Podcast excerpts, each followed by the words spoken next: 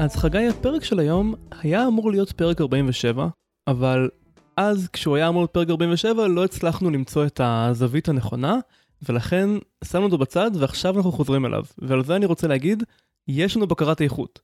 כן, ממש הגענו למה זה היה יומיים או שלושה לפני ההקלטה, ו- ופשוט לא הצלחנו לגרום למודלים שהיו לנו בראש אז להתכנס. אז אמרנו, טוב, בואו נמצא משהו אחר, בואו נמצא משהו שאנחנו כן יכולים לדבר עליו, שאנחנו כן מרגישים בנוח איתו. ואז חזרנו לזה באיזה דרך עקלקלה ומפתיעה, וכל מה שנותר לי לקוות זה שבזמן שעבר, הבעיה לא נפתרה מעצמה ועדיין יש לשואלת שלנו צורך בפתרון לבעיה שלה. טוב, אז בואו נראה מה היא שאלה, ונקווה שיש לנו עדיין משהו מועיל להגיד. דורון שם בדוי שואלת, שלום אסור להשוות. שואלת בשביל ידיד שלי שלצורכי אנונימיות ייקרא יותם. יותם מתכנת בהייטק, וכרגע מחפש אקטיבית להחליף עבודה. הוא אוכל הרבה סרטים לגבי שאלת מיליון הדולר, ציפיית השכר. נכון, יש טבלות שכר באינטרנט, אבל הן כלליות מדי. ציפיית השכר תלויה גם בחברה שאליה מנסים להתקבל, ברקע הספציפי שלו כמועמד, ובעוד הרבה גורמים. בבקשה, תנו לי אותם מודלים אלגנטיים שיעזרו לו להתכנס למספר לקראת הרעיון הבא שלו. ממש שאלת מיליון הדולר, נראה לי שזאת אחת השאלות שהכי מעסיקות אנשים בפלח מאוד מאוד מאוד קטן של האוכלוסייה. כלומר, בהרבה מקומות עבודה אולי יש את השאלה הזאת של ציפיות שכר, אבל יש משהו בהייטק שבו בעצם השמיים הם הגבול קצת, כלומר, בתעשיות אחרות אז יש טווח וכאילו אין המון לאן לזוז בתוך הטווח הזה. ובהייטק דברים יכולים להיות בפערים עצומים בין בן אדם אחד לאחר, בין תפקיד אחד לאחר, חברה אחת לאחרת, ולכן זאת באמת שאלה נורא מורכבת. כן, גם יש דיבור על זה שזה נורא מושפע מהסגנון תקשורת האישי שלך. למשל, יש תופעה שלנשים זה קשה יותר להיות עקשניות ואגרסיביות במשא ומתן בגלל אה, ציפיות חברתיות וכולי, ויוצא בסוף שיש להן משכורות יותר נמוכות ממה שאפשר להגיד שמגיע להן. כן, ממש יש עניין של חברות שמלמדים אותנו איך נכון לגבר להתנהג, איך נכון לאישה להתנהג, והציפיות האלה מעצבות את איך שאנחנו מגיבים או מתכננים ראיון עבודה או את השיחת ציפיות שכר הזאת. אני מכיר את זה מאוד מאוד חזק מהתחום של עצמאים ועצמאיות, שבעצם לעצמאים ממש אומרים כן, פשוט תדפוק מחיר, פשוט כל הזמן תמשיך להעלות את המחירים שלך, כאילו עד שאתה נתקל בקיר. ולעצמאיות, גם כשנותנים את העצה הזאת, הרבה פחות מקובל חברתית עבורן להמשיך להעלות את המחירים, כי יש ציפיות. כי גבר שלוקח הרבה זה בסדר, אבל חברתית, אם אישה לוקחת הרבה, פתאום מרימים גבה. זו בעיה מאוד מאוד קשה. אתה בתור עצמאי בטח נתקל בזה הרבה יותר מאשר הייטקיסטים בעצם, כי אתה מתמקח על אה, כסף לא פעם במקום עבודה, פעם בשנתיים שלוש, אלא ממש פעם בשבוע אפילו, נכון? נכון, כל הזמן אני צריך לתמחר, כל הזמן אני צריך לשאול את עצמי, האם הלקוח הזה יקבל את ההצעה, לא יקבל את ההצעה, האם יש מתחרה שיציע פחות. יש מכרז שאני אגש אליו ממש עכשיו, שבו לא אכפת להם מהתוכן, הם רק רוצים את המספר ומסתכלים רק על מי מציע את ההצעה הכי נמוכה. ואז כאילו מה ההצעה הכי נמוכה שאני יכול לעמוד בה, אם זה שווה לי. כל הזמן אתה בדילמה הפנימית הזאת, ולדבר הזה יש השלכה ממש ממש חזקה על כל החיים שלך. כי מעבר לעניין של הכסף, יש פה עניין של תדמית. כשאתה לוקח יותר כסף, יש איזו תופעה קסומה כזאת, שאנשים פתאום מעריכים את העבודה שלך יותר, על כלום, כאילו גם אם אין סיבה מעבר לזה שהם משלמים לך יותר מאשר למישהו אחר. אז תודה לדורון על שאלה באמת מאוד מורכבת עם הרבה אספקטים. אני רוצה להתמקד באספקט הפנימי של איך להתגבר על המעצורים שלך ולהצליח לבקש את השכר שאתה באמת יכול להשיג. כי לדעתי, ציפיות שכר זה כמו צלילה חופשית. תעצור את הנשימה ותעשה את זה בכל מקרה? משהו כזה. אוקיי. אני חושב יותר על איך משיגים את המידע על מה השכר שרוצים לבקש. ולכן אני חושב שציפיות שכר זה כמו אינטראקציה קוונטית. שוב פעם אתה והקוונטים שלך, לא עברנו על זה כבר בפרק קודם? לא, תמיד יש עוד קוונטים.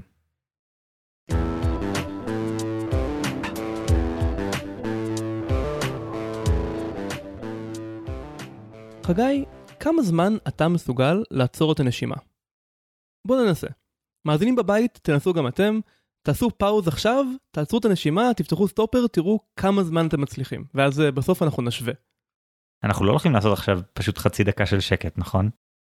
אוקיי, okay, חגי, תחתוך בעריכת השקט עצמו, אבל תשאיר את ההתנשמויות שלפני ואחרי, מה אתה אומר? אוקיי, okay, סבבה. שלוש, ארבע ו...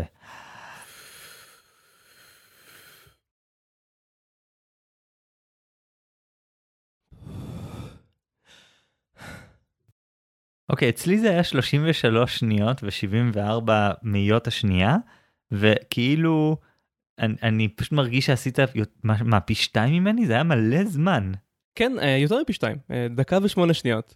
ואני חושב שיש לי עוד, האמת.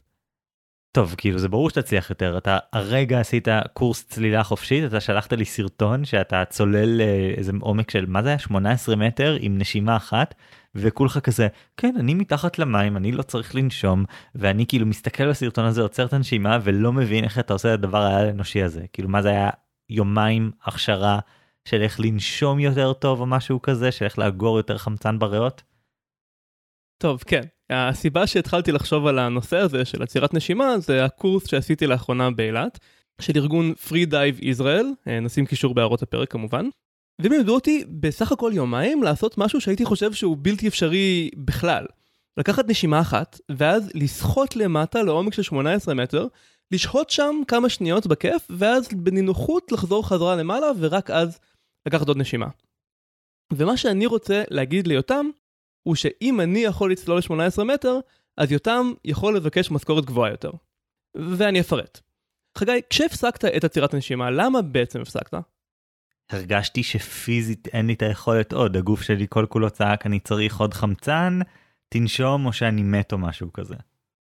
אוקיי, אבל אני יכול לומר לך די בוודאות שהנקודה שעצרת בה לא ממש קשורה לנקודה שבה היית מת או מאבד הכרה. אני יודע את זה כי אני אחרי כמה שעות קצרות של אימון הצלחתי להאריך פי שתיים את כמות הזמן. וזה לא שזה עשה לי נזק, ואני די בטוח שאני גם רחוק מאוד מהנקודה שבו זה יעשה לי נזק. בקורס שעשיתי דיברנו הרבה על התחושה הזו, תחושת החנק, התחושה שאין לי אוויר, אני חייב לנשום. מה המשמעות האמיתית של התחושה הזו? פעם חשבתי שיש לנו איזה חיישן חמצן בגוף, ותחושת החנק היא נורת האזהרה של החיישן הזה. כמות החמצן נמוכה באופן חריג, נא למלא אוויר. אבל מסתבר שתחושת החנק בכלל לא קשורה לחמצן, היא מופעלת על ידי עודף של פחמן דו-חמצני. אפשר למשל לנשום הליום טהור, וממש למות מאובדן חמצן, ולא להרגיש את התחושה הזו של החנק בכלל. אז כבר כאן אנחנו רואים שיש פער בין התחושה לבין המציאות. כאילו, זה לא הסבר מה שאתה אומר. אתה אומר, זה בגלל שאנחנו מרגישים עודף בפחמן דו-חמצני ולא מחסור בחמצן, סבבה, אבל גם העודף בפחמן דו-חמצני הוא מזיק, נכון? כאילו, זה בעיה שיש לנו יותר מדי פחמן דו-חמצני בדם או whatever. כן זה נכון, אה, עודף בפחמן דו-חמצני זה בעייתי, אבל זה כבר מראה לנו שאנחנו לא באמת אה, מודעים לכמות החמצן שיש לנו, שזה מה שאנחנו חושבים שהולך להרוג אותנו. עכשיו, במקרה של ההליום זה היה לא חוכמה, כי לנשום הליום טהור זה לא דבר שקורה לעיתים קרובות, וספציפית, זה לא היה פקטור משמעותי באבולוציה של בני האדם, אז זה לא מפתיע שאבולוציה לא ציידה אותנו בתחושות שיעזרו לנו לשרוד מצב כזה. אבל אפילו במקרה שאנחנו נושמים אוויר נורמלי, תחושת החנק עדיין לא אומרת לנו את מה שאנחנו חושבים שהיא אומרת, פשוט כי היא מתחילה לפעול בשלב מאוד מאוד מוקדם, הרבה לפני שיש סכנה אמיתית. האמת היא, אתה הפסקת חגי אחרי 30 שניות, והסכנה האמיתית לא רק שהייתה רחוקה, היא הייתה לא קיימת בכלל. הכי גרוע שהיה קורה, היה שהיית מתעלף בכיסא שאתה יושב בו, ואז אוטומטית היית מתחיל לנשום שוב. אחרי כמה שנות היית מתעורר, ולא היה נעשה שום נזק. מתחת למים, בצלילה חופשית, זה מסוכן להתעלף, אבל אם אתה מעל פני המים אתה בוודאות תהיה בסדר. אז למה בעצם אנחנו מרגישים את החנק הזה ולמה כל כך מוקדם? ואיך זה קשור ליותם? אז כמו שאמרתי, חנק זה עניין של אינסטינקט, והאינסטינקטים שלנו מותאמים להיסטוריה של המין האנושי, להיסטוריה האבולוציונית שלנו. אנחנו מרגישים תחושת חנק כל כך מוקדם, כי במסגרת אורח החיים שבו בני אדם התפתחו, תמיד יש אוויר זמין, ואין שום סיבה טובה לא לנשום אותו ברגע שיש אפילו מחסור קטנטן. בעצם מה שקורה זה שהגוף שלנו לוקח ספיירים, מה שנקרא. ומנסה להכריח אותנו לנשום כמה שיותר מוקדם, כדי שלא נתקרב אפילו למצב שבו אולי בסיכוי נמוך תהיה בעיה קטנטנה של חמצן. וזה אחלה, אם אתם אנשים מתקופת האבן שצריכים כל שנייה להיות מוכנים לברוח מממות הרצחנית או משהו, אבל בשביל בן אדם מודרני שאולי רוצה להגיע ל-18 מטר בעומק, זו סתם הגבלה מיותרת. אז רוב מה שלומדים בצלילה חופשית זה להשתלט לאינסטינקט הזה. זה ברור שיש גם uh, תרגילי נשימה כמו שאמרת כדי ללמוד uh, לנפח יותר את הריאות ולשחות בצורה יותר יעילה, אבל העיקר זה לכבוש את היצר הזה, להזיז את תחושת החנק הרבה הרבה קדימה, מהנקודה שהיא נכונה אבולוציונית ועד לנקודה שנכונה באמת לגוף שלנו.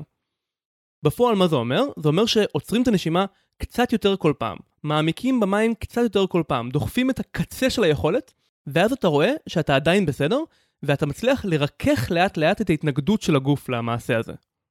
אם תנסה לקפוץ קדימה רחוק מדי בבת אחת, למשל להגיע עד ל-30 מטר על היום הראשון, הגוף שלך פשוט לא ייתן לך. וזה לא דבר רע, זה דבר נהדר. האינסטינקטים שלך מונעים לך לעשות משהו שעד כמה שאתה יודע באמת עשוי להרוג אותך. ספציפית, להגיע ל-30 מטר כנראה לא יעשה לך שום דבר רע, אבל כאילו לגוף שלך אין שום דרך לדעת את זה מראש. ולכן, צריך להתקדם בהדרגה, וכל פעם להוכיח עצמך שמעטפת היכולות שלך קצת יותר גדולה ממה שחשבת. אוקיי, okay, אני רואה את הקשר פה ליותם. כלומר, אתה אומר, יש לנו את האינסטינקט חנק הזה, שנולדנו איתו, שהאבולוציה דחפה לנו באיזשהו אופן, ואתה אומר, יותם מתמודד עם הגרסה החברתית של זה, שזה גם דבר הגיוני. כלומר, אנחנו יצורים חברתיים, אנחנו נורא תלויים במערכת חברתית, אז חלק מהאינסטינקטים שלנו זה לא לנסות אה, לקחת יותר ממה שמגיע לנו בתוך החברה.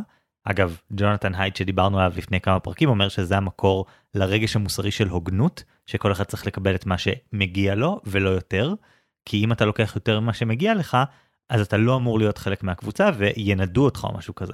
אז אתה אומר, בעצם מה שמפחיד את יותם, או אולי מפחיד את יותם, זה לבקש יותר ממה שמגיע לו, כי אולי ינדו אותו, ו- ומשם זה נובע, לא מאיזה משהו שקשור מהותית לשכר. כן, תודה שאתה ממש uh, מביא במקומי את הפאנץ' של המודל שלי. מה שאני רוצה להגיד זה שכמו שיש אינסטינקטים פיזיים, כמו אינסטינקט החנק, יש גם אינסטינקטים חברתיים, וגם הם התעצבו לאורך ההיסטוריה של המין האנושי, והם מותאמים לאורח חיים מסוים, שהוא אורח החיים שבו התפתחנו, אבל הוא לא אורח החיים שלנו היום. בגלל שאנחנו חיות חברתיות, כדי לשרוד היינו צריכים להתמודד לא רק עם הסביבה הפיזית, אלא גם עם הסביבה האנושית. והאינסטינקטים החברתיים שלנו בעצם שם כדי לעזור לנו לשרוד בתוך חברה שבטית קטנה, שבה כולם מכירים את כולם וחיים בצורה שיתופית. במצב כזה, זה סופר קריטי לשמור על יחסים טובים עם כל מי שאתה פוגש. כי אם כבר פגשת מישהו, די בטוח שהוא חבר בשבט שלך, וכנראה שאתה הולך להמשיך לראות אותו עוד הרבה. ואולי גם תצטרך לבקש ממנו איזה נתח בשר שהוא צד בזמן שאתה רעב.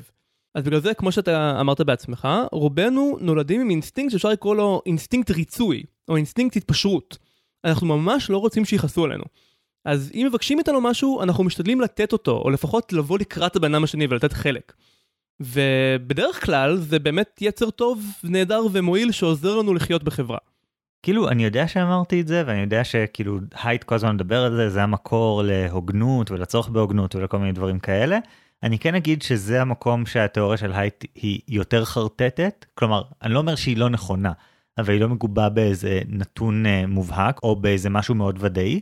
זה כמו כל התיאוריות האבולוציוניות כן אנחנו רואים שיש התנהגות מסוימת ואז אנחנו מסבירים למה זה היה הכרחי פעם אנחנו לא יודעים שכל מצב כזה של תלות בחברה ייצר בהכרח אינסטינקט ריצוי כמו זה שאתה מדבר עליו אז כאילו שווה לשים את הסייג הזה פה.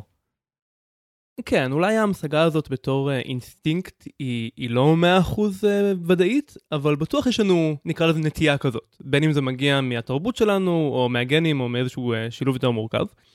מה שבטוח הוא ששיחה על ציפיות שכר מול מעסיק הוא מצב סופר לא טבעי והוא מצב מאוד מאוד שונה מאשר המצב שההתנהגויות האלה התפתחו בשבילו. זה בדיוק כמו צלילה חופשית. אנחנו מנסים להגיע כמה שיותר רחוק, הרבה מעבר למה שאנחנו יודעים בוודאות שאפשר להשיג, ואנחנו לא נדע מה הגבול האמיתי עד שנגיע אליו. האינסטינקטים החברתיים שלנו הם מאוד שמרניים, הם לוקחים מלא ספיירים, ממש כמו אינסטינקט החנק. וזו הסיבה שקשה לנו לבקש את הסכום שאנחנו באמת יכולים להשיג.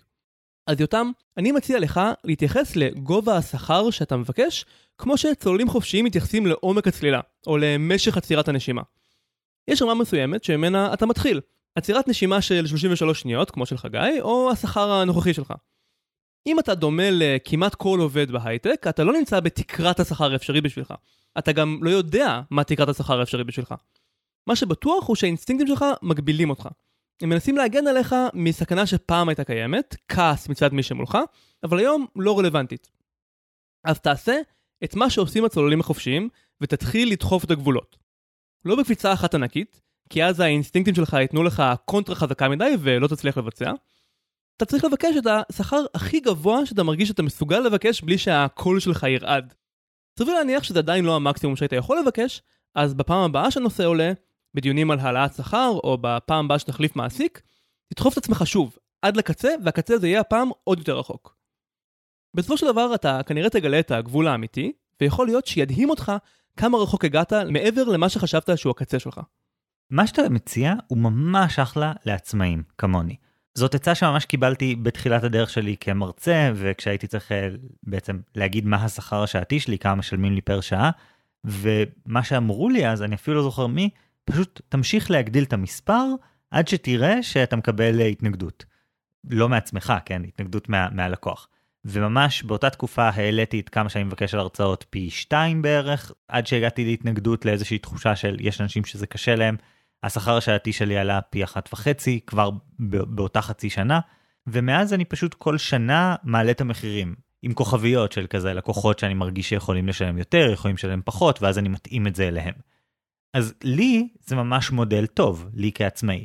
כי אני יכול לעלות בהדרגתיות, ואני לא מתחייב לשום דבר, אני מתחייב לחודש, חודשיים, חצי שנה, לפעמים הרצאה אחת ספציפית, וזהו, עם המחיר הזה.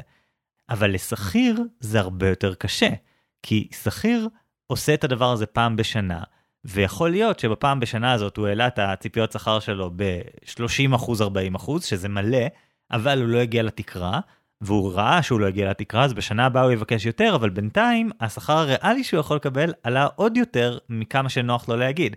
והוא תמיד יהיה באיזה קצ'אפ כזה, הוא לא כמוני שאני יכול לשנות את זה מחודש לחודש, או כמו שאמרת, משבוע לשבוע. והדבר השני שיש פה, שבו יש לי יתרון כעצמאי, זה שאני הרבה פעמים יכול להגיד, טוב, אני אציע הצעה, אם אני אקבל מזה לא, כלומר ממש יגידו לי hard no, מישהי שאני מכיר שלחה הצעת מחיר וקיבלה תוך חמש דקות סירוב, שזה במייל, שזה ממש ממש נדיר. למה? כי היא באמת שמה מספר גבוה במיוחד, די מופרך. עכשיו, נחמד והכל, קורה, אבל כעצמאי, אוקיי, אז הלקוח הזה עזב, עוד רגע יהיה עוד אחד. וכאן אתה מתמודד עם מעסיק, והמעסיק, קודם כל לא בהכרח יש עשרות מעסיקים שמחכים לך מעבר לדלת, אבל מעבר לזה יש לך מערכת יחסים חברתית עם הבן אדם שאמורה להימשך. זה לא לקוח שאתה עובד איתו חודש וביי. זה בן אדם שאתה אמור לעבוד איתו לאורך תקופה ארוכה, זה אנשים אחרים שאתה הולך לעבוד לצידם, זה להיכנס לאיזה אקו סיסטם. נכון, אמרת יפה, יש כאן שתי סכנות. מצד אחד, אני יכול לא לדחוף עצמי מספיק, ואז אני משאיר כסף על השולחן, כמו שאומרים. מצד שני, אם אני דוחף עצמי יותר מדי, אז כמו שבצלילה חופשית יש סכנה שאתה תתעלף מתחת למים, וזה יכול אפילו להיות קטלני. אז uh, כאן יש סכנה שאתה תעצבן את המעסיק, או שתיצור יחסי עבודה לא טובים, או אולי אפילו תאבד את ההזדמנות, בגלל שביקשת סכום שהוא לא מציאותי. ולכן אני חושב שכן חשוב להמשיך להקשיב לאינסטינקט הזה, אבל לא בצורה עיוורת. תזכור שהאינסטינקט הוא סופר שמרן. כמו שבצלילה חופשית אנחנו מתחילים מהנקודה הזו של ה-30 שניות, ואנחנו יכולים לדחוף קדימה את האינסטינקט של החנק לדקה, 2, 3, 4 ואפילו הרבה יותר, אבל אנחנו לא מכבים את האינסטינקט. בסופו של דבר אנחנו עדיין מקשיבים לו, והוא עדיין שומר עלינו כשהסכנה מגיעה. החוכמה היא לדחוף אותו קדימה לנקודה הנכונה. אז אותו דבר כאן עם האינסטינקט הזה של הריצוי החברתי. צריך להקשיב לו, אבל לאתגר אותו, לדחוף אותו קדימה.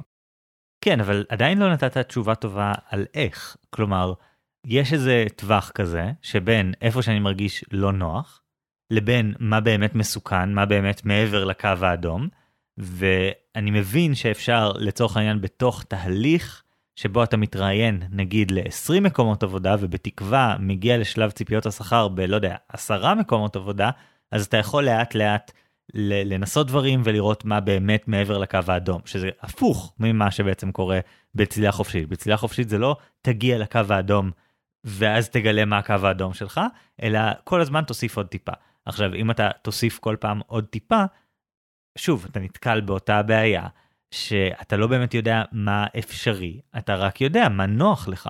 ובצלילה חופשית זה סבבה, זה כאילו, אוקיי, אז אם צללת 10 שניות פחות, או 2 מטר פחות, למי אכפת? כאילו לא קרה כלום, אלא אם כן אתה שיאן אולימפי ואז אתה יכול להשקיע את כל החיים שלך בזה. אבל פה פשוט אתה אומר, אוקיי, תלך מעבר לקומפורט זון שלך ובהצלחה. זה לא מרגיש לי מספיק עם בשר כעצה. תשמע, אני קראתי לאחרונה ספר הצלילה חופשית, קוראים לו One Breath של אדם סקולניק. Uh, הוא מחולק בין uh, סיפור אישי של uh, צולל אחד מסוים והיסטוריה יותר כללית של התחום. ואחד הסיפורים שהכי אהבתי שם זה הסיפור על איך הגענו לעומקים שאנחנו נמצאים בהם היום. היום uh, שיאנים של צלילה חופשית מגיעים ליותר מ-100 מטר בעומק, וזה יותר מ-4 דקות בזמן. עכשיו, איך זה קרה? איך בכלל יודעים שזה אפשרי לעשות את זה בלי למות? אה, בשנות ה-50 כשהמקצוע התחיל, רופאים היו משוכנעים שצלילה ל-30 מטר תשמיד לך את הריאות, כי הריאות שלך יתכווצו מרוב לחץ, ואז הם לא יחזרו לעצמם, ואתה לא תוכל לנשום יותר. עד שאיזשהו מישהו אחד נועז, ירד ל-30 מטר עם כזו משקולת כבדה, והוא הוכיח שזה אפשרי. ואז הרופאים ראו את זה, והם עדכנו ואמרו, אוקיי, 40 מטר זה אבל זה בטוח מוות. וכן הלאה בעשורים שבין שנות ה-50 לשנות ה-90 ואפילו עד ימינו, כל פעם הרופאים נאלצים לדחוף את הנקודה שלהם שבה מי שצולל שם מת עוד טיפה קדימה. בשנים האחרונות נראה שדי הגענו לשם ובאמת אה, חלק מהשיאנים אה, התחילו למות וזה לא נעים. אז עכשיו אנחנו יודעים בערך איפה הגבול, פלוס מינוס. בזכות החלוצים האלה. ואני חושב שבמקרה של ציפיות שכר זה, אה, זה הרבה יותר קל כי יש הרבה יותר חלוצים. כלומר, אתה יודע שיש אנשים שמרוויחים יותר ממך, יכול להיות שאתה מכיר אותם אישית, יכול להיות שאתה שומע עליהם בתקשורת. אתה יודע שאם תצלול, אם אתה עכשיו ב-30 מטר ואתה תצלול ל-50 או 70 מטר, אתה לא תמות, כי אנשים היו שם לפניך. אם בכלל, הרבה יותר סביר שאתה יותר מדי צנוע, שאתה הולך לאט מדי, כי יש לך את האינסטינקטים האלה מהאבולוציה שלנו, שמעודדים אותך ללכת מאוד מאוד לאט ובזהירות, אפילו כשברמה אינטלקטואלית אתה יודע שא', הסכנה לא כזו גדולה, אתה לא תמות, וב', היו אנשים שעשו את זה, אז אתה יודע שזה אפשרי. אורן, כל המודל שלך מתבסס על אה, מה רמת היכולת שלי ולנסות אה, לדחוף אותה עוד קצת ולהבין שהמגבלות שאני שם לעצמי הן מגבלות שלא קשורות בהכרח למגבלות האמיתיות. אבל אני חושב שאתה לא נותן ליותם כלים אמיתיים שיעזרו לו לברר מה באמת הגבול. כי הוא רוצה להתקרב כמה שיותר לגבול, גם אם זה לא נוח לו. באיזשהו מקום, מה שנוח לו או לא נוח לו, זה לא חשוב בכלל ביחס למה הגבול האמיתי. והתחלת לתת פה כל מיני נקודות, התחלת לדבר על לברר אנשים אחרים באותו תחום וכל מיני כאלה, וזה באמת העיקר פה. ואני חושב שהעצה שלך היא עצה, שוב, מאוד מאוד מאוד טובה לאנשים שמתראיינים מלא, בתחומים שבהם השמיים הם הגבול באיזשהו מקום, או לעצמאים, אבל אני חושב שאפשר לתת מודל יותר רחב, שייתן מענה ליותר אנשים ביותר סיטואציות, ויאפשר למצוא את הגבולות האמיתיים. חגי, אתה בעצמך אמרת שהשתמשת במשהו מאוד דומה למה שאני מציע כאן, וזה עבד לך מעולה. וליותם, שהוא בהייטק, זה כנראה עוד יותר שימושי. אז מה שאני מציע לך, יותם, זה לעצב מחדש את התפיסה שלך, כמו שהאנושות עיצבה מחדש את אורח החיים שלה, בעשר אלף שנים האחרונות. תיקח את האינסטינקטים שלך, תכבד אותם, אבל תזכור שהם לא מבינים את כל הסיפור, כי החיים שלך הם לא החיים שעבורם הם נבנו, ותיקח אותם קדימה כמה מהר שאתה מעז, עד לנקודה שבו הם באמת uh, מתריעים על סכנה אמיתית ולא מדומיינת.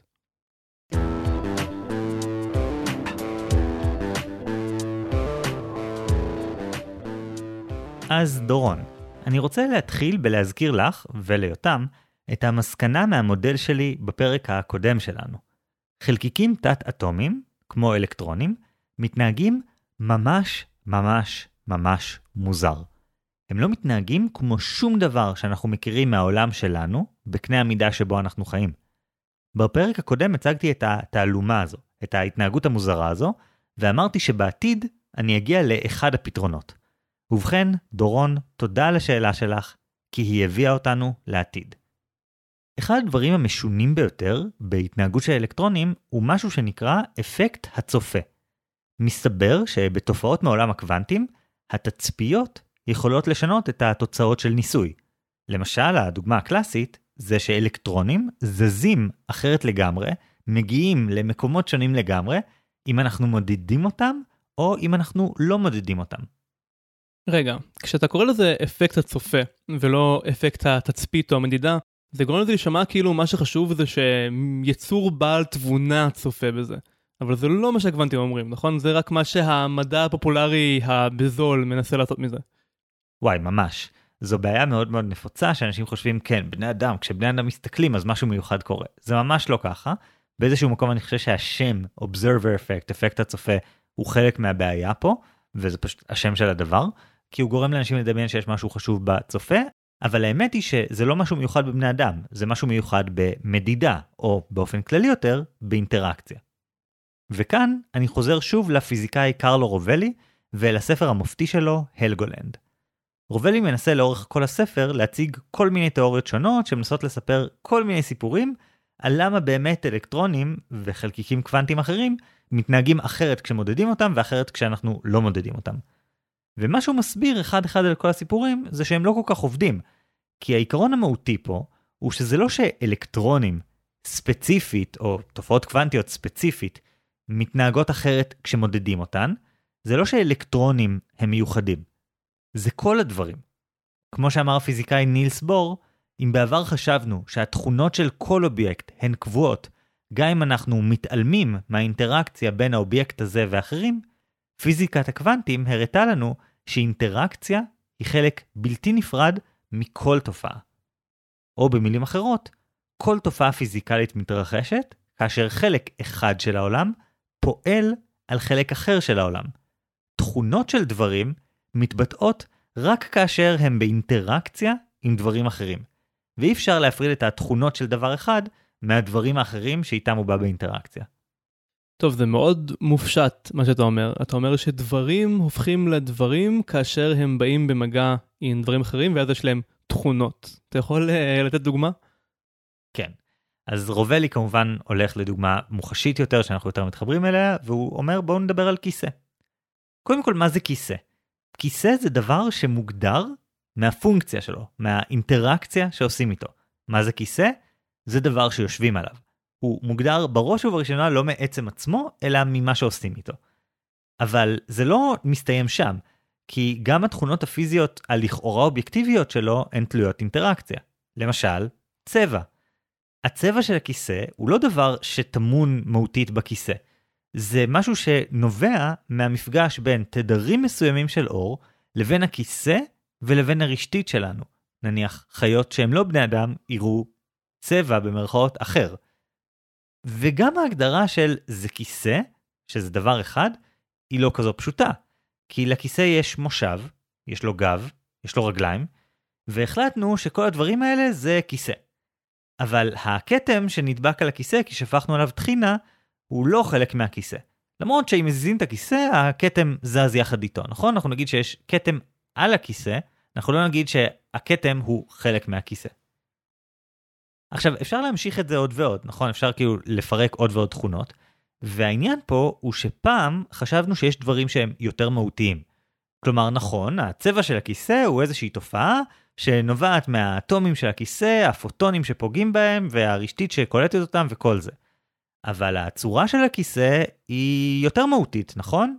האטומים שהכיסא מורכב מהם הם יותר מהותיים, הם אובייקטיביים, הם לא תלויים באיזושהי אינטראקציה. אבל התגליות בעולם הקוונטים גילו לנו שגם חומר פיזי לא קיים באופן אובייקטיבי בלתי תלוי באינטראקציה. הכל תלוי באינטראקציה, במגע בין דברים. אז מה שהקוונטים מלמדים אותנו זה שלא רק שאפשר לסדר אטומים בצורה של כיסא, אבל הכיסא הוא כזה רק אם יושבים עליו או אם רוצים לשבת עליו, אלא עצם זה שאנחנו מדברים על אטומים, זה רק נכון כל עוד האטומים האלה במגע אחד עם השני ואיתנו, משהו כזה? כן, כי גם האטומים מורכבים מחלקיקים תת-אטומיים, והחלקיקים התת-אטומיים האלה יכולים להיות בכל מיני צורות אחרות. ואנחנו כל הזמן מחפשים דברים יותר ויותר בסיסיים שמסבירים לנו מה המהות של החומר, הרי מה זה אטום? כלומר, מה המילה אטום נועדה לומר? הדבר הכי קטן שאי אפשר לפרק, עד, עד שפירקנו אותו, גם תאורטית וגם פיזית, כן? אז בעצם אנחנו מגלים כל הזמן שיש עוד דברים. ורובלי אומר שיש פה איזושהי בעיה, כי כל ההיסטוריה של הפילוסופיה המערבית, הוא אומר, היא סוג של חיפוש אחרי דברים מוחלטים ויציבים שהם לא תלויי הקשר. כלומר, משהו אחד שאנחנו יכולים להגיד, על זה מונח העולם. זה, זה כאילו הדבר שהוא תשתיתי, והכל נובע ממנו. וזה יכול להיות אלוהים, וזה יכול להיות אידאות אפלטוניות, וזה יכול להיות, לא יודע, השיטה המדעית, אבל בסופו של דבר, מה שמכניקת הקוונטים מלמדת אותנו, זה שאין דברים כאלה. זה שאין משהו שהוא מהותי ויציב בלמטה של כל הדברים. רובלי אומר שזה מתחבר לו ממש חזק למה שכתב הפילוסוף הבודהיסטי נגרג'ונה. אין שום דבר שקיים באופן עצמאי ממשהו אחר. נגרג'ונה משתמש במושג סונייתה, ריק, כדי לתאר את זה שדברים הם ריקים במובן שאין להם קיום עצמאי. וזה לא שנגרג'ונה אומר אז אין לשום דבר משמעות שהוא ניהיליסט או משהו כזה, כן? הוא כן אומר צריך לחקור את המציאות, אבל זה שאנחנו מחפשים סיבות יותר ויותר מהותיות לדברים, זה לא דבר שתלוי בזה שבסוף תהיה אמת אבסולוטית, שבסוף יהיה אלקטרונים שזזים בצורה שאפשר לתאר בצורה נורא נורא ברורה, והם קיימים במקום מוחלט, ו- וכאילו הכל בסדר, גם אם אנחנו לא מסתכלים על זה. זה מאוד דומה למה שטען אה, הפילוסוף של המדע, אה, אהוב ליבי, תומאס קון, על תיאוריות מדעיות. שאנחנו טועים לחשוב שכשתיאוריה מדעית אחת מחליפה אחת אחרת במהפכה מדעית, שכאילו התקרבנו לאמת, ושיש איזושהי אמת אמיתית שאנחנו חותרים לכיוונה. וקון אומר שזה פשוט לא נכון, אנחנו מחליפים תיאוריה בתיאוריה כשהישנה כבר לא עושה את העבודה, למען איזושהי מטרה שאנחנו מנסים להפעיל אותה, והחדשה בינתיים מספיק טובה, ובעתיד היא אולי תוחלף על ידי משהו אחר, שאי אפשר להגיד עליו בשום מובן משמעותי שהוא יותר נכון או יותר קרוב מציאות מאשר הקודמת. נכון, ומה שקריטי פה זה אינטראקציות. אנחנו לוקחים תיאוריה חדשה, אנחנו מייצרים יותר ויותר אינטראקציות בינה לבין המציאות, עד שאנחנו רואים שאינטראקציה מסוימת עם המציאות חושפת לנו שלא, זה לא מתאים כבר. האינטראקציה הזאת מוכיחה שהדבר הזה לא עובד. אבל לא יכולנו לדעת את זה בלי האינטראקציה. אין איזה משהו מהותי ש- שנמצא בבסיס של זה שאומר לנו שהתיאוריה נכונה. יש רק את הניסיון לתקוף עם עוד ועוד ועוד אינטראקציות כדי לאסוף עוד אמיתות, לא להתקרב לאמת המוחלטת, אלא כדי לדעת דברים יותר נכונים ממקודם. והדבר הזה שאמרתי הרגע על תיאוריות מדעיות ואיך גם הן מבוססות על אינטראקציות, זה מתחבר למשהו אחר שרובלי אומר בספר, על זה שבעצם קוונטים מסבירים לנו איך בעצם, או, או מה זה בעצם תודעה אנושית, ואיך הם עוזרים לנו, איך ההבנה לגבי איך חלקיקים תת-אטומיים מתנהלים, עוזרת לנו להבין אולי, בערך, מה קורה בתוך התודעה שלנו. רגע, לא בדיוק אמרנו שזה המדע הפופולרי זבל שמנסה לקשור בין קוונטים לבין uh, בינה אנושית ולהגיד שבני אדם מיוחדים, או שהתודעה היא תופעה קוונטית, או שהקוונטים תופעה תודעתית, זה לא כאילו שטויות? כן, זה שטויות. רובלי פשוט אומר במפורש ככה, זה שטויות, זה, זה לא תופס, אבל הוא אומר שזה יכול ללמד אותנו משהו אחר. רובלי תוקף את זה מכיוון די מפתיע, ושואל מה זו בעצם משמעות, מה זה אומר שלמשהו יש משמעות, והוא אומר שמשמעות היא קורלציה, שיש דבר אחד שיש לו קשר קבוע לדבר אחר. אני אומר מילה, ויש קשר בין המילה שאני אומר לבין קונספט שיש אצלך בראש. והקשר הזה עובר דרך הלשון שלי והאוויר והאוזן שלך והמוח, כל אחד מהדברים האלה מייצר קשר אחד עם השני עד שזה מגיע אליך, וכל המשמעות היא תוצאה של קשרים, ואין משמעות בלי קשרים כאלה. ובעצם כל זה שיש לנו תודעה זה רק מעצם זה שאנחנו צריכים שתהיה לנו איזושהי תפיסה של איך אנחנו עובדים כדי לתפקד בעולם. חגי, זה קרה לך גם בפרק קודם על הקוונטים, שנכנסת כל כך עמוק לתוך העולם המתעתע הזה, שלגמרי איבדת כל קשר אפשרי לשאלה שאנחנו מנסים לענות עליה. אז להזכירך, יותם מתלבט לגבי ציפיות שכר. אז קודם כל אני מתנצל, זה פשוט דבר כל כך מרתק, ומי שלא הספיק לקרוא את הלגולנד מאז הפרק הקודם, אז יאללה, אבל טוב, טוב, בואו נלך לבעיה של יותם. ואני אומר פה, שהבעיה של יותם היא בעיה לא מוגדרת. מה זה ציפיות שכר בוואקום? דורון לא נתנה לנו שום מידע על יותם, ובלי המידע הזה אי אפשר להגיד לו מה הציפיות שכר שלו או איך לגשת לזה. ציפיות שכר זה משהו שנובע מהקשר. וזה לא משהו שיפתיע לא את דורון ולא את יותם, כי היא כתבה לנו בשאלה על טבלאות שכר, על הרקע האישי של יותם וכל מיני דברים כאלה. אבל אני אומר שכדי להבין מה ציפיות השכר האמיתיות והנכונות שלך, אתה צריך לייצר כמה שיותר אינטראקציות עם כמה שיותר גורמים, כדי שלאט לאט לאט אתה תוכל להתחיל לחשוף את המקום האמיתי שבו נמצאות ציפיות השכר שלך. אז אני אתן כמה דוגמאות. קודם כל, הנורמות בתחום. חלק מהבעיה שלי עם המודל של אורן, כמו שאמרתי, זה שזה לא עובד אותו דבר בהייטק ובתחומים אחרים. בהייטק באמת השמיים הגבול, אבל אם מישהו מחפש עבודה בעמותה או משרדי ממשלה, אז יש גבולות מאוד מאוד קשיחים. אני הגעתי למקומות שאמרו לי, כן, אבל זאת דרגת השכר המקסימלית שקיימת פה. אז קודם כל צריך להבין מה קורה בתחום. וככל שהאינטראקציה תהיה יותר ספציפית, ככל שתבחן את זה בצורה יותר ממוקדת, תקבל תשובה יותר טובה. טווח שכר של תעשייה מסוימת, של תפקיד מסוים, של תפקיד מסוים בחברה מסוימת, ואז בסוף אתה תגיע למקום של אני יודע מה מקובל במקום הזה. מה אחרים מקבלים, או מה בערך הם מקבלים, ואז פתאום יש לי נקודת מידע אחת שצמצמה את uh, המרחב האינסופי של מה יכולות להיות ציפיות השכר שלי. טוב, גם העצה שלי זה סוג של אינטראקציה. אני מציע ליותם כל פעם להעלות עוד ועוד את השכר שהוא מבקש, ואז הוא מקבל פידבק. ואז הוא יודע בעצם שזה לא היה מטורף לבקש איקס שקל, אז הוא ינסה לבקש 10% יותר מזה בפעם הבאה. זה גם uh, מסתמך על אינטראקציה, אני לא מציע לו לעבוד בריק. אתה לגמרי צודק, ואני מסכים שההצעה שלך היא מקרה פרטי של ההצעה שלי, אבל אני מציע לחשוב על זה קצת יותר, כי אני בעצם אומר שיש פה כמה דברים. קודם כל, מקום העבודה כן מתחשב בכמה שכר קיבלת במקום אחר, או כמה שכר קיבלת בעבר. אני יודע שאם אנשים שואלים, רגע, למה אתה לוקח כל כך הרבה כסף על הרצאה, אני אומר, זה פשוט כמה שאני תמיד לוקח. ואז זה מנרמל משהו. אם הם ישמעו שבמקום אחר עשיתי הרצאה בחצי מחיר, הם לא הסכימו לשלם לי את זה. ואותו דבר עם מגייסים, שאתה תגיד להם, כן, קיבלתי שכר כזה במקום אחר, עכשיו אני מבקש פי שתיים, תהיה בעיה. גם עבורם, הם מקיימים אינטראקציה עם השכר הקודם שלך. אז הנקודת בסיס שלך והרקע האישי שלך הם מאוד קריטיים לא רק בשבילך אלא גם בשביל המעסיק. אפשר להכניס פה גם את הגורם של ערך. אני עצמאי אז אני מאוד מודע לזה, אבל גם אם אתה לא עצמאי אתה יכול טיפה לחשוב על זה. מה הערך שאותה מביא למקום העבודה? נניח, אם אני יודע שאני בונה לארגון מסוים כלי לסינון עובדים, ואני מעריך שכל שנה אני יכול למנוע להם שלושה גיוסים גרועים. כלומר, שלושה אנשים שלא היו אמורים להתקבל, והכלי שלי יעזור לא לקבל אותם בטעות. ואני מעריך שכל גיוס גרוע כזה עולה להם 150 אלף שקל. אז אני יודע שהערך שאני נותן להם הוא 450 אלף שקל כבר בשנה הראשונה. האם זה הסכום שאני אבקש? לא, כי שוב, יש הרבה גורמים אחרים שמקיימים אינטראקציה עם הציפיות שלי. יש את, נגיד, מה נהוג לשלם, אבל זה נתן לי עוד נקודת מידע. אז יש לי פה כבר שלוש נקודות מידע. אחד, מה מקובל בחברה, בתחום, בתפקיד. שתיים, מה היה לי קודם.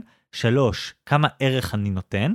ופתאום התחלתי לייצר טווח, והטווח הזה מוודא שא', אני לא אחרוג באופן שיגרום לרתיעה מאוד מאוד קשה מהצד השני, גם אם אני אתן מספר שהוא גבוה בהרבה מהמספר הגבוה ביותר שהמעסיק מוכן לשלם לי, שזה מה שיכול לקרות עם ההצעה שלך, אורן, גם אם אני אעשה את זה, ברגע שיש לי את ההקשר, וזה לא מגיע משום מקום, זה מגיע מאיזשהו מקום הגיוני, או של מה מקובל בתחום, או של מה קיבלתי קודם, אז פתאום יש לי איזשהו עיגון, וגם הבן אדם בצד השני לא ירגיש שזאת חריגה, הפרה של איזה נורמה חברתית, כי יש לזה סיבה, כי זה מגיע מתוך איזושהי אינטראקציה עם המציאות. זה קצת נשמע כאילו אתה פשוט אה, אומר לי אותם, לך ותבדוק את כל השיקולים ותעשה את כל החישובים ותכיר ממש טוב את השוק ותדע בדיוק מה מעניין מגייסים ומה לא, ובעצם אחרי שיהיה לך את כל המידע ותבין את כל האסטרטגיות, אז גם תדע בפרט מה השכר שאתה יכול לבקש. אז אתה בעצם מציע לו את השיטת פעולה הכי קשה. כן, אין לי איך להתחמק מזה, זה מה שאני עושה. אבל אני חושב שהשיטה שלי יכולה להביא אותו למקום הרבה יותר טוב. היא תחסוך ממנו מצד אחד את הסיטואציה שבה בגלל שהוא קיבל שכר יחסית נמוך במקום העבודה הקודם שלו, נגיד סתם כדוגמה, אולי אותם הרגע השתחרר מצה"ל כמתכנת, ואז בצה"ל, מבחינתו, בערך כל סכום שיציעו לו בשוק הפרטי יהיה יותר גבוה, לפחות פי שתיים אם לא פי שלוש, ממה שהוא קיבל גם אם הוא היה בקבע כבר כמה שנים עם כמה העלאות שכר. אז אם הוא יתבסס יותר מדי על זה, אז הוא לא יעלה מספיק, הוא יעלה ממש מעט יחסית למה שהוא היה יכול. מצד שני, האיסוף מידע הזה יוודא שגם ההצעות שהוא נותן הן מתחברות ומדברות איכשהו עם המציאות. זה מונע ממנו להביך את עצמו ולהגיד דבר שהוא מנותק לחלוטין מהמציאות, כי יש לו סיבה. ואגב, זה דבר שהוא גם יכול לומר במפורש, בשיחה עם המגייס או המגייסת, תקשיבו, זה מה שאני מקבל כיום, אני יודע שבתחום נהוג לשלם ככה, ולכן הגעתי למספר הזה. לעומת פשוט להגיד את המספר שלך. ברגע שעשית את כל הדבר הזה, נתת למגייס חומר לעבוד איתו, ולא להרגיש שעשית פה איזה תקלה חברתית. המידע הזה נותן לך המון המון המון כוח. אני קצת חושב שאתה נותן יותר מדי קרדיט למגייסים, ואתה מבקש מאותם לעשות בשבילם את העבודה. אתה גם חושב שהמגייסים יש להם בראש איזשהו מספר, ושהם יודעים מה סביר ומה לא, וגם אתה אה, חושב שהם בכלל מעניין אותם אם זה משהו שמגיע ליותם. בארגונים גדולים יותר, המטרה של מגייס זה לגייס נטו, וגם בהרבה מקרים הם לא יראו שוב את הבן אדם לעולם.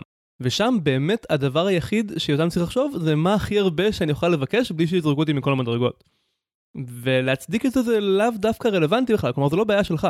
אחרי זה, תן להם לעשות את החישובים, פשוט תבקש משהו, ואז אולי הם ימצאו לזה איזושהי הצדקה כדי להגיע למכסה של הגיוסים שלהם, ואם לא, אז אוקיי, אז uh, תוריד קצת ונעשה שוב במקום הבא. אז אני חושב שהגישה שלך אולי מתאימה יותר לארגונים קטנים, שבהם מצפים שיהיה יותר אמון וקשר בין כל החלקים של הארגון, או באמת לקוח אחד, אבל דווקא בשביל יותם שהוא הייטקיסט, אני חושב שזה יותר מדי נדיב מצידו לבוא מתוך הצדקות ולא לבוא מתוך כמה אני יכול להשיג. קודם כל זה לא הצדקות, זה ידע. זה אספתי ידע ואני יודע מה מצב העולם. וזה חשוב במיוחד, כי למגייסים יהיה את הידע הזה. המגייסים ראו עשרות או מאות אנשים כמוהו, והם אספו המון המון ידע על מה הציפיות הקיימות, ולכן אתה צריך לדבר באותה שפה ובאותו סוג מונחים שהם מדברים בהם.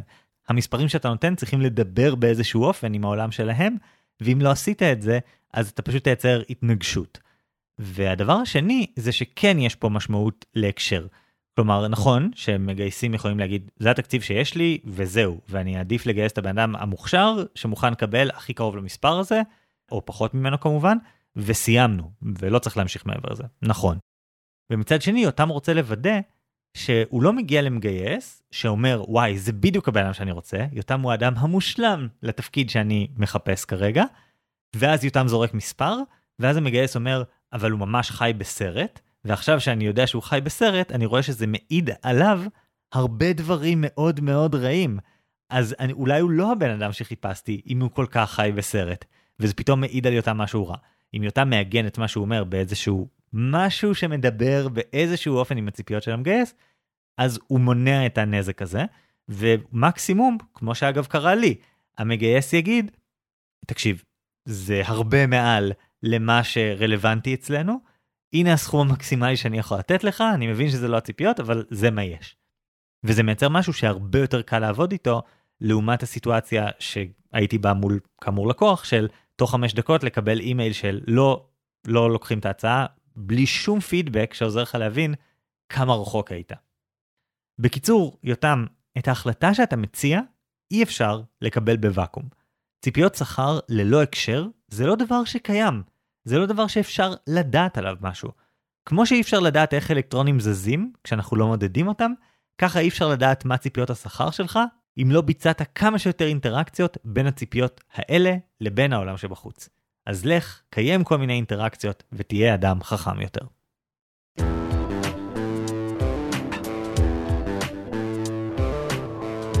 טוב, חגי, אני מרגיש כאילו הפער בינינו הפעם הוא לא כל כך גדול, ובמידה רבה אפשר לאמץ את שתי הגישות שלנו במקביל, בלי יותר מדי בעיות. אבל אני חושב שזה מאוד מעיד על מאיפה אנחנו מגיעים. אני מגיע מקורפורט בינלאומי של תכנות, והמגייס שגייס אותי, אני מאז לא ראיתי או דיברתי איתו לעולם בחמש שנים שאני עובד בחברה הזאת, בעוד שאתה עובד, אני חושב, מול ארגונים מאוד קטנים, או מול אפילו אינדיבידואלים, ואין ממש מגייס, אלא הלקוח עצמו שעובד איתך הוא גם זה שעושה איתך את שיחת השכר, וזה מאוד uh, משתקף במודלים שבחרנו. כמו שאתה בטח יודע, מעצם זה שאני השתמשתי בפועל במה שאתה מתאר כדי להציע הצעות מחיר בתחילת הדרך שלי כעצמאי, אני מסכים ממש עם מה שאתה מציע, אבל אני חושב שזו תמונה חלקית. ואני חושב שהרבה פעמים התמונה החלקית הזאת יכולה להתנגש. היא יכולה להגיע למצב שאתה נותן הצעה שלא תואמת למי שבצד השני, אתה לא יכול לתת הצעה באותו מחיר לעמותה ולחברה פרטית ולסטארט-אפ ולבן אדם פרטי שלוקח אותך כיועץ אישי לאיזה משהו ספציפי שהוא עושה. כל אחד מהאנשים האלה נמצא בעולם אחר. והדבר יהיה נכון באותה מידה גם בהייטק, גם בחברות שונות, גם כמובן במגזרים אחרים כמו מגזר ציבורי, מגזר שלישי. ולכן חייבים לאסוף עוד מידע, ואני חושב שאחרי מספיק איסוף מידע, גם הבעיה שהמודל שלך פותר היטב תהיה הרבה יותר קלה. כי כמו שאתה הצלחת לעצור נשימה ליותר זמן, כי מישהו אמר לך שפשוט אפשר והכל בסדר, כי מישהו נטרל את הפחד שלך, לא את היכולות הפיזיות שלך, אלא את הפחד. ככה האינטראקציות שאני מציע ינטרלו את הפחד ואת הפקפוק העצמי של יותם, ויעזרו לו להגיע למספרים גבוהים הרבה יותר. ואני חושב שהדרך היחידה באמת אה, לתקוף את הפחד הזה ולהתמודד עם הרתיעה האינסטינקטיבית שלנו מלנסות דברים חדשים, זה פשוט ללכת ולעשות את זה. לרדת לעומק שמפחיד אותך, קצת. לבקש שכר שנראה לך מוגזם, קצת. עד שאתה עושה את זה, עד שאתה עושה את הצעד, זה לא משנה איזה הצדקות ורציונליזציות אתה תעשה, כי הפחד לא מגיע משם, הוא מגיע ממשהו יצרי ועמוק באבולוציה שלנו, וצריך להתמודד איתו בשטח שלו, ולא באיזשהו מקום שכלתני אחר. טוב, הדרך היחידה לדעת איזה משתי ההצעות שלנו יותר נכונה, היא לקיים איתן אינטראקציה. ולכן, מי שיכריע זה לא אנחנו, אלא אתם המאזינים. בעוד יומיים נעלה סקר reactions לעמוד הפייסבוק שלנו, שבו תוכלו להצביע מי נתן את ההצעה הטובה יותר. אורן ועצירת הנשימה. או חגי והאינטראקציות הקוונטיות.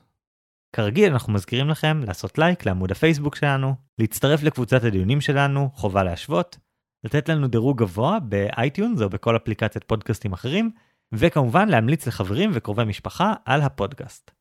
והכי חשוב, אם יש לכם איזושהי שאלה בוערת או דילמה יומיומית או סתם משהו שמסקרן אתכם, תכתבו לנו ואנחנו ננסה להשוות את זה לדברים שאליהם אסור להשוות. אז תודה רבה על ההאזנה, אני חגי אלקיים שלם, אני אורן ברנשטיין. ונתראה בפעם הבאה עם השוואות חדשות.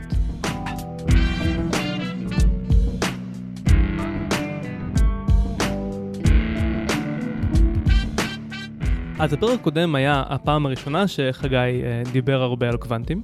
אנחנו אה, ענינו לשאלה לגבי איך אה, להתמודד עם כל הקניות שבאות עם מעבר דירה. אבל 59% מכם הסכימו איתי שלעבור דירה זה פחות כמו קוונטים ויותר כמו קיבוץ מידע. כן, רק 41% מכם הסכימו איתי שקוונטים זה הסבר טוב למה שקורה ומודל טוב להשתמש בו, אני מקווה שבסקר של השבוע ילך לי קצת יותר טוב. אתה בנית מלא תשתיות של קוונטים, אז אולי הפעם זה יניב פירות. אבל תשתיות לא ודאיות. והיה דיון ממש מרתק בתגובות, חלקכם ממש נכנסו עמוק לתוך הקוונטים, היה ממש כיף לקרוא. נראה לי כדאי שנתחיל מהערה לגבי חשמלמל. נורית שכתבה לנו במקור שחשמלמל זה אלקטרון בעברית, אחרי זה בדקה טיפה יותר לעומק וגילתה שהאקדמיה לא עומדת מאחורי התרגום הזה ומבחינת האקדמיה אלקטרון נשאר אלקטרון. כן, תיקון מאוד מאוד חשוב. אבל אני הולך להמשיך להגיד חשמלמל. בהצלחה עם זה. ואני רוצה להתחיל עם התגובה הכי ארוכה, אני הולכת לתמצת אותה מאוד, למרות שמה שכתב לנו איתמר זה, אם יש לכם דם, אתם מקריאים תגובה זו במלואה, אז אנחנו לא נקריא אותה במלואה, אבל כן נתמצת את העיקרים.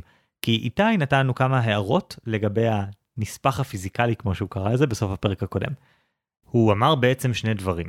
אחד, ניסוי שני החריצים, הניסוי המקורי הוא באמת מתחילת המאה ה-19, אבל התוצאה הבאמת מפתיעה שראינו היא שהניסוי משתחזר גם כשפוטון בודד עובר ולא גל אור, ואת זה ראו בשנת 1909 בפעם הראשונה.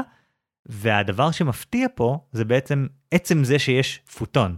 כלומר שאור זה לא סתם גל, אלא שהוא מורכב מכמויות בדידות, מפוטונים. וזו הייתה תגלית די מטורפת. הדבר השני שהוא כתב זה שנתנו את הסיפור הזה של ניסוי שני החריצים עם פוטונים, אבל פוטונים לא עובדים ככה בניסוי שני החריצים, זה עובד עם אלקטרונים. רק כשעושים את ניסוי שני החריצים על אלקטרונים אפשר לעשות בדיוק את הדבר הזה שאמרנו של למדוד מאיזה חריץ הוא עבר, ואז לראות שזה משנה את ההתנהגות שלו. אז זה מאוד מאוד מתמצת את מה שאיתי כתב, אבל אני ממש מציע ללכת לפייסבוק לקרוא את התגובה המלאה למי שמתעניין בדברים האלה, כי זה יעזור לכם להבין הרבה יותר טוב איך עובדים קוונטים. טוב, אחרי כל הקוונטים האלה בא לי להקריא uh, תגובה שמתייחסת למודל שלי. אביה כותב, אני חושב שהעצה של אורן ישימה ומתאימה יותר. עמרי מרוצה מהרכישות שהוא עושה, והוא גם מרוצה מהדרך שבה הוא בוחר ורוכש. הבעיה שלו היא חוסר זמן או חוסר משאבים. העצה של חגי הייתה יכולה להיות נכונה אם עמרי היה מגלה ששיטת העבודה והנוסחאות שלו פשוט לא מתאימות לבעיה החדשה. אבל הצרה של עמרי קשורה דווקא בזה שנוסחאות ושיטות העבודה דווקא כן טובות ונכונות. פשוט חסר את הזמן לבצע אותם. כלומר אביה אומר הבעיה של עמרי נובעת בראש ובראשונה מזה שיש לו שיטות טובות ופשוט הוא נמצא בהקשר שבו הוא לא יכול ליישם אותן בצורה מושלמת. ואני מבין איך זה לגמרי תומך בטענה שלך כלומר אתה אומר אנחנו צריכים לראות איך אנחנו עושים את אותו הדבר אבל בפחות משאבים.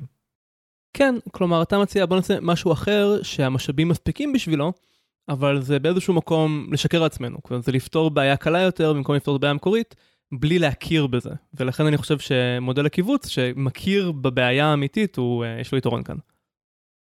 התגובה הבאה של מיכאל שכתב התשובה של אורן מזכירה לי התייחסות לאנשים שפשוט מאלתרים, וכשמסתכלים מהצד זה נראה שהם פשוט שולפים פתרונות מיד, וזה דורש מהם מעט מאוד זמן. קל מאוד לשכוח שכדי פשוט לאלתר בכל תחום, יש קרחון שלם של זמן ומיומנויות שפותחו לפני זה, והם אלה שמאפשרים את הפשוט לאלתר הזה. גם במקרה של קיבוץ מידע, אנחנו מקבלים מידע מכווץ, אבל העלות של זה היא הזמן שהשקיעו מפתחי האלגוריתם, שזה המון זמן. זה זמן הניסויים והפיתוח והניסוח, אבל גם זמן הלימודים ורכישת המיומנויות שאפשרו להם בכלל להגיע לנקודה שבה הם פיתחו את האלגוריתם הזה. אז אורן מבקש מעומרי לא רק לקבל החלטות מהירות ומכווצות, אלא גם לאלתר על המקום את אלגוריתם הקיבוץ העזבו אידיאלי, אפילו לאלתר אחד סביר זה קשה. לכן, חגי וחוסר התוחלת שבקיום. עלינו לדמיין את עומרי מאושר. אני חושב שזה מודל של חגי מפרק אחר. לא, אני חושב שבעצם מיכאל מנסה להגיד לי פה, חגי, המודל שלך בעצם אומר לעומרי, תכיר בחוסר המשמעות של העולם ותתמודד עם איך שזה ככה עכשיו, אל תנסה לאפטם משהו שאין לך את המשאבים לאפטם. כלומר אקזיסטנציאליסטי, אבל אני מסוגל להתחבר לזה. חגי, אתה לא יכול לשלוף את זה עכשיו על כל שאלה ששאלו אותנו. אה, זה, אה, עזוב, זה, זה פשוט אי אפשר לפתור דברים כאלה, אתה צריך לקבל את זה שהעולם הוא לא מושלם. אתה לא יכול להמשיך לנצח ככה בכל הסקרים. לא ניצחתי בסקר הזה, אולי יש סיבה. טוב, נמשיך לעמית, שעשה את מה שאנחנו הכי אוהבים והציע מודל משלו. עמית כותב, לעבור דירה זה כמו עלות אלטרנטיבית בכלכלה. גם לזמן שעומרי משקיע בבחירת מכשירי חשמל ורהיטים יש שווי. בשלב מסוים, השווי הזה גדול יותר מהתועלת של עומרי בלמצוא מוצר קצת יותר זול או עמיד. כלל אצבע טוב הוא לחשוב על כמה מרוויחים על שעת עבודה, ולהגביל לפי זה את הזמן שמשקיעים בחיפושים. למשל, אם אני מרוויח 60 שקלים לשעה, אז לא כדאי לי להשקיע שעה כדי למצוא הנחה של 30 שקלים על החפץ שאני רוכש. אין צורך לעשות חישובים מסובכים או טבלות אקסל כדי להשתמש במודל הזה. מספיק שיש לך ידע מוקדם על סדר הגודל של המחירים והפרשי המחירים של מה שצריך לקנות. המודל של אורן הוא הכי קרוב לזה, ולכן הוא עדיף. קודם כל אני אחזור על מה שאתה אמרת, בבקשה תעשו את זה יותר. פשוט תציעו מודלים משלכם לפתרון הבעיה שעלתה בפרק. אני מבטיח שנקריא תגובות שזה מה שהן עוסקות בו, לדעתי זה הדבר הכי מעניין שאפשר לעשות כתגובה. וספציפית, אני ממש מסכים עם המודל. יש כאן כל מיני כוכביות, למשל זה שאתה צריך לחשב לא כמה אתה מרוויח לשעה, אלא כמה אתה מרוויח נטו לשעה וכל מיני כאלה.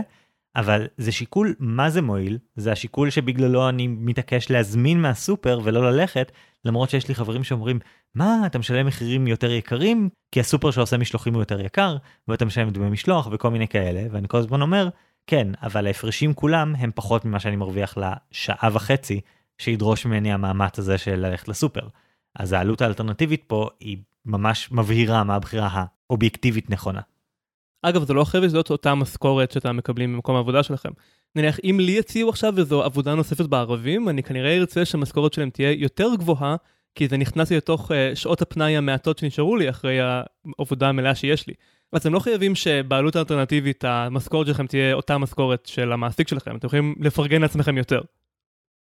טוב, והתגובה האחרונה של אסף, שכתב לנו. קודם כל, אני נוטה יותר לחגי, כי דברים יכולים להתנהג אחרת בסקייל אחר. מבחינת הבעיה שהוצגה, זה למשל היכולת להתמקח. כנראה שעל מוצר חשמל אחד נשלם מחירון מלא, אבל יכול להיות שעל כמות גדולה נוכל להשיג מחיר אחר. כך שגם אם התפשרנו במובן אחד, נוכל להרוויח במובן אחר, ומקסימום לתקן בהמשך בזכות מה שחסכנו. דבר שני, לגבי הספר של קרלו רובלי, אז אותי לא צריך לשכנע במשך מחצית מהספר שהמציאות שלנו היא למעשה רשתות. או כמו שהוא מציג את זה, ישויות אינן עומדות בפני עצמן, אלא הקשרים בין הישויות. נראה שהוא uh, הקדים אותך, אסף. נכון, אסף הלך פשוט לקרוא את הספר, ולכן הוא ספילר לעצמו את הפרק הזה, ויכול היה לדעת מהרגע שאמרתי אינטראקציה קוונטית, מה המודל שאני הולך להגיע אליו. טוב, אבל אם כבר uh, לקרוא ספר מתוך הפודקאסט, אז ספר שנתן השראה לשני מודלים ברצף, כנראה בחירה די טובה.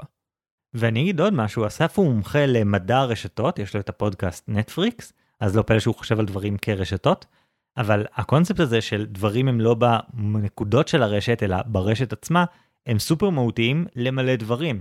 כלומר, סתם, במוח שלנו, התפיסה היא שאין כאילו נוירון או נקודה ספציפית במוח שמקודדת אורן בשבילי, או אסור להשוות, אלא יש רשתות שונות שמופעלות בתצורות שונות, והתצורות השונות האלה מייצרות רעיונות שונים. כלומר, העיקר הוא לא הנוירונים, אלא הרשת, והמון המון דברים מתנהגים בדיוק ככה. טוב, וזהו להפעם מבחינת תגובות שאנחנו נקריא. כמו שאמרנו, מוזמנים מאוד להצטרף לקבוצת הדיונים שלנו, חובה להשוות ולהעלות אה, דיונים לא רק על פרק מסוים, אלא על דילמות שיש לכם, ספרים שקראתם, אולי פרקים מהארכיון שיש עוד מה להגיד עליהם. ואנחנו נמשיך למה קראנו השבוע. אז אה, אני אתחיל ואני רוצה לדבר קודם כל לא על ספר שקראתי, אלא על הקורס שעשיתי. קורס צלילה חופשית באילת של Freedive ישראל. אני אקריא קצת מהטקסט השיווקי שלהם באתר. בית ספר לצלילה חופשית. בנשימה אחת נחווה את הים בצורתו הטבעית. נתעטף בשקט אינסופי ונקשיב לקצב פעימות הלב המאט את פעילותו. לאט לומד הגוף לבטוח בחוויה, והתודעה נזכרת במה שתמיד ידעה, הגענו הביתה. בכל שלב ואימון בקורס תופתעו מהנוחות הפיזית והנפשית בה תגלו עומק חדש בכל פעם. יותר מכל תופתעו ממה שאפשר להשיג בנשימה אחת. ואני uh, מסכים עם כל מה שנאמר כאן, זו באמת חוויה חד פעמית יוצאת דופן, וזה מאוד נדיר שאני מתחיל סופש כשאני חושב שמשהו הוא בלתי אפשרי, ומסיים כשזה מרגיש לי הכי טבעי וקל בעולם. זה נשמע כמו חוויה מדהימה, ואני תוהה אם אני פחדן מדי מכדי לנסות אותה בעצמי. אה, תשמע, אני הגעתי ל-18 מטר, ואני חושב שמבין התשעה שהיינו, הגעתי הכי עמוק, אבל לא חייבים לדחוף את הקצה עד כדי כך. אם אתה מגיע לעומק שמפחיד אותך, כמו שאמרתי, אז זה העומק שבו אתה חווה משהו חדש. אז אני לא חושב שאתה חייב להיות איזה הרפתקן מיוחד או איזה רודף אה, אדרנלין מטורף כדי ליהנות כאן. כן, אבל בכל זאת אתה אומר את זה בתור הרפתקן מטורף וחובב אדרנלין די עקבי כבר הרבה מאוד זמן. Uh, כן, יש בזה משהו.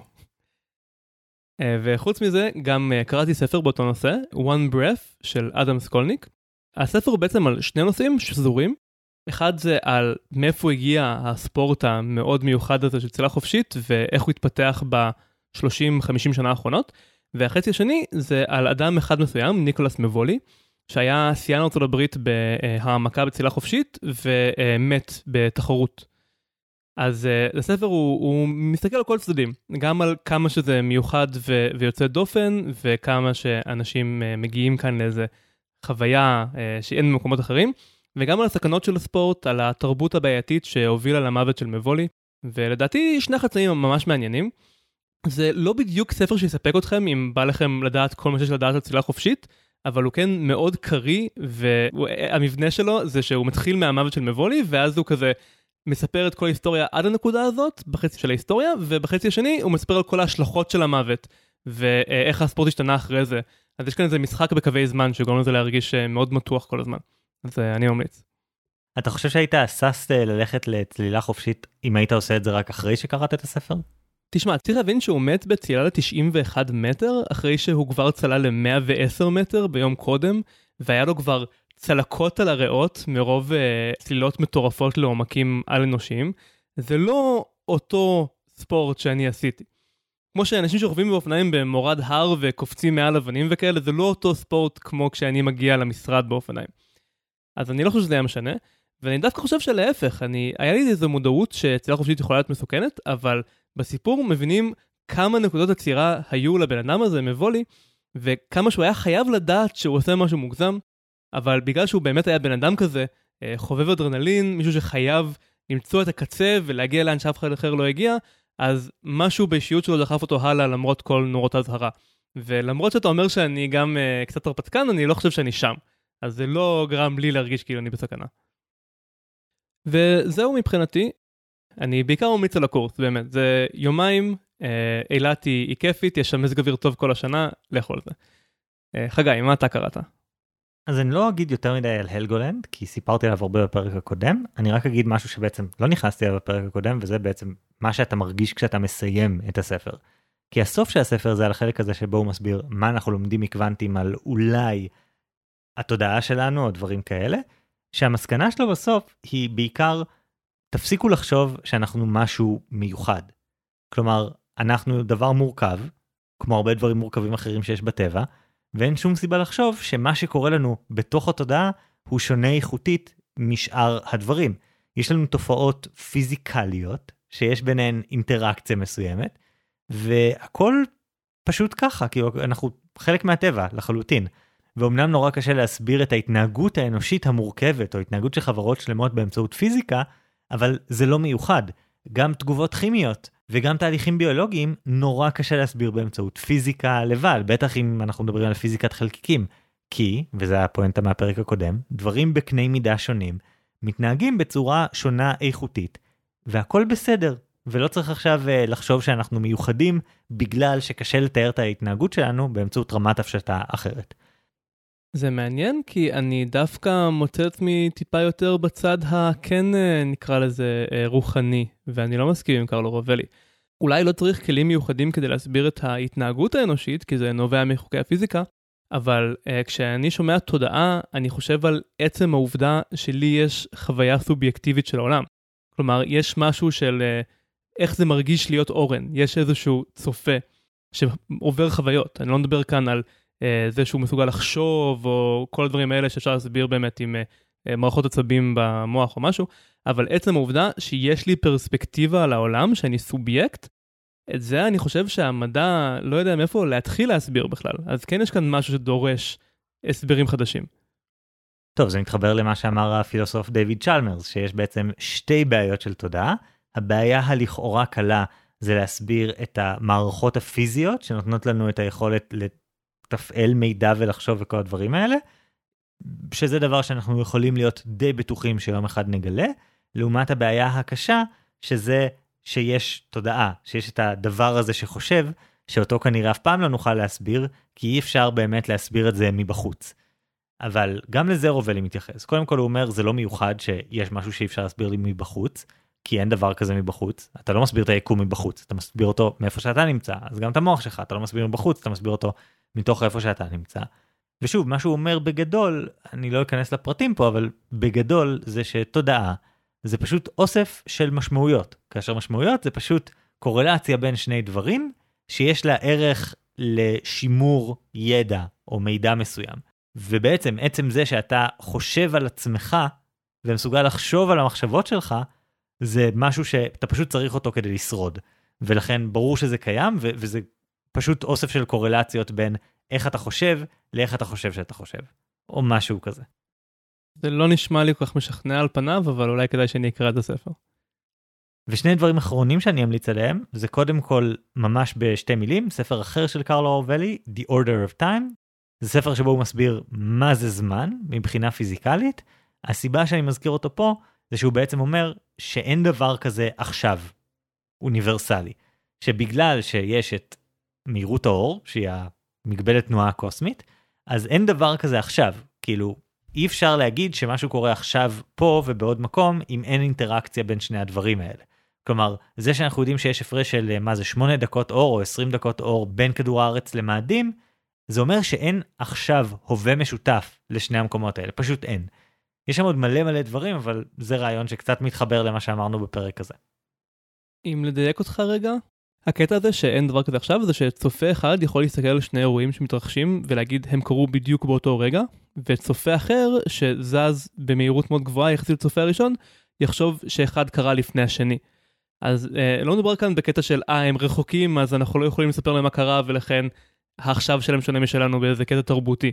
הכוונה היא שאין באמת דבר מוגדר היטב של רגע אחד ברמה הקוסמית אה, נקרא לזה בגלל כל מיני קטעים של היחסות. כן, זה תיקון ממש ממש חשוב. זה מתחבר למשהו שקראתי בספר שנקרא Stranger than we can imagine של ג'ון היגס, שמדבר בעצם על זה שבתחילת המאה ה-20 היו כל מיני תגליות, קוונטי מצד אחד, תורת היחסות מצד שני, שבעצם שמטו את הקרקע מתחת לזה שיש איזה בסיס יציב למה שאנחנו חושבים וחווים בעולם.